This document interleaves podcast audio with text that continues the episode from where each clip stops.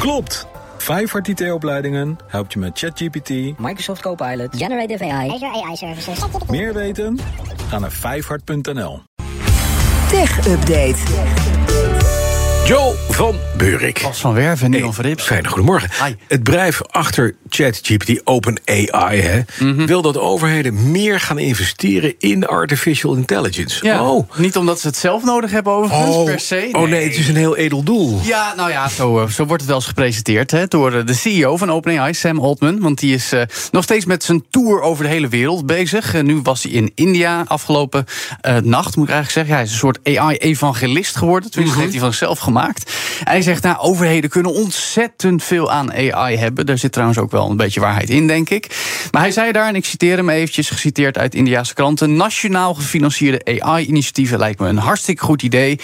Is wel belangrijk dat we dan uitvogelen hoe die tech in diensten verwerkt gaat worden. Dat willen overheden volgens mij wel, maar ze weten nog niet hoe. En Altman zegt erbij dat het ook heel interessant is dat het juist bij India eh, ligt. Dat ze nu bijvoorbeeld ook voorzitter van de G20 zijn. En dat ze de sleutels in handen hebben volgens hem.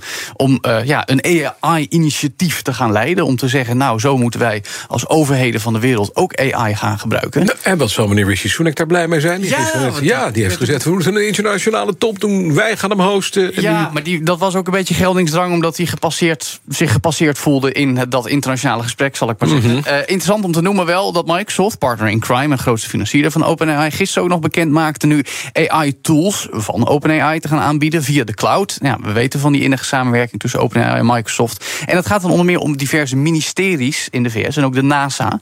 Dus het wordt in ieder geval ook al geoffreerd, zal ik maar zeggen, via de commerciële route. Ik ben vooral benieuwd of het ook echt geïntegreerd gaat worden. En natuurlijk, een heleboel van dat soort divisies... die hebben al lang ervaring met AI. Maar nu is de vraag, gaan ze het ook op grote schaal adopteren? Dan TikTok wil een enorme sprong voorwaarts maken... op het gebied van online winkelen. Ja, na voor Instagram en Snapchat willen ze de angstgekner worden voor Amazon. Want Oh. dit jaar willen ze bij TikTok 20 miljard dollar gaan omzetten met de e-commerce tak. En dat zijn niet de minste ambities, want afgelopen jaar bedroeg die post nog 4,4 miljard. Dus we gaan even meer dan verviervoudigen. Tenminste, dat zou het plan zijn. Op een totale omzet vorig jaar van 80 miljard dollar. Dus het is ook nog niet zo'n grote afdeling. Meldt Bloomberg allemaal. Dan hebben we het over de totale waarde aan verkochte producten via de TikTok shop. En dan gaat het ook vooral om Zuidoost-Azië, moet gezegd. Met name Indonesië is belangrijk voor TikTok. Producten als kleding, make-up worden dan gepromoot in livestreams. Eigenlijk zoals wij Influencers die staan daar dingetjes aan te trekken... en make-upjes op te doen, hè? Ja, nou, dat hebben we natuurlijk hier ook. Alleen daar is het dan met livestreams op TikTok. hey Mike, ik heb hier voor jou de Precies. Extremalizer. De. En Extremalizer zorgt ervoor dat jij een beter leven krijgt. Voor slechts een dubbele. Ja, ongelooflijk. Dat soort dingen. Bestel nu 44,95. Ja, nou, met alle clichés erbij. Maar goed, interessant wel. TikTok experimenteerde hier eh, trouwens ook mee vorig jaar in het VK. Met dat ja, de livestreamen en producten promoten. Maar dat werd helemaal niks. Ook de plannen om het in de VS en Europa meer te gaan doen... zijn toen even teruggetrokken. Op de lange termijn moeten wij Westelingen wel meer onderdeel zijn... van TikTok's e- e-commerce plan. Mondiaal wordt immers 17 biljoen dollar omgezet... aan eh, online verkochte producten per jaar. En daarmee wil TikTok zich ook minder afhankelijk maken... van online advertentieinkomsten. Plus, een fijn neveneffect voor TikTok zou zijn dat het zou kunnen helpen in de strijd tegen vooral de overheden in de VS. Die staan allemaal altijd op scherp om te kijken waar ze platformen de pas kunnen afsnijden of zelfs verbieden, zoals in de staat Montana.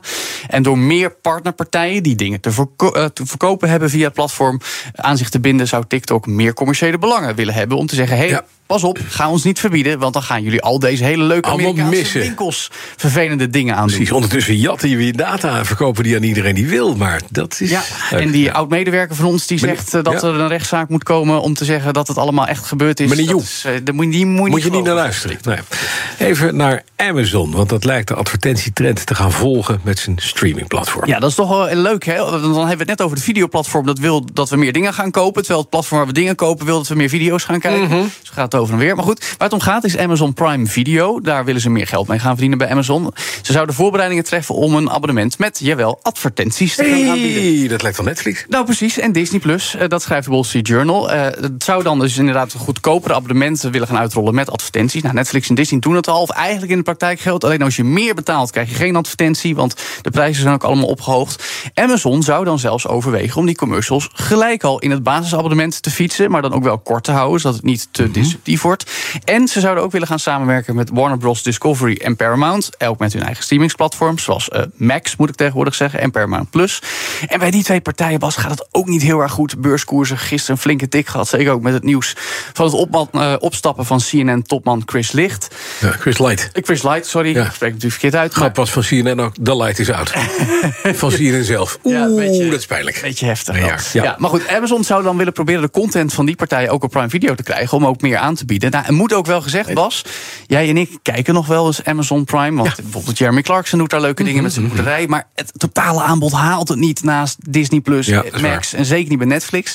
Daartegenover staan wel dat in Nederland de abonnementsprijzen vrij gunstig zijn, maar een paar euro. Maar ja, ze willen natuurlijk vooral dat jij Prime hebt, zodat je daar meer spullen koopt, omdat je ze gratis bezorgd krijgt. Dus zo valt het allemaal weer in elkaar bij Amazon. Dankjewel, Joe van Burik. De BNR Tech Update wordt mede mogelijk gemaakt door Lenklen. Lenklen. Betrokken expertise, gedreven resultaat.